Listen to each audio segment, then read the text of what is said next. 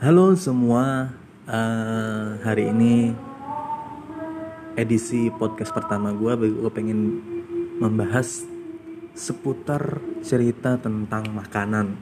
Nah, karena basic gue yang memang doyan makan dan gue doyan suka cerita bagaimana makanan itu. Nah, kali ini gue akan membahas sebuah makanan yang memang sudah uh, menjadi makanan yang khas, terutama di Jawa Timur atau di Jawa Tengah?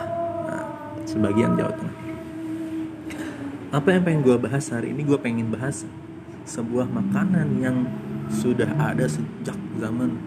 Kalau bahasanya itu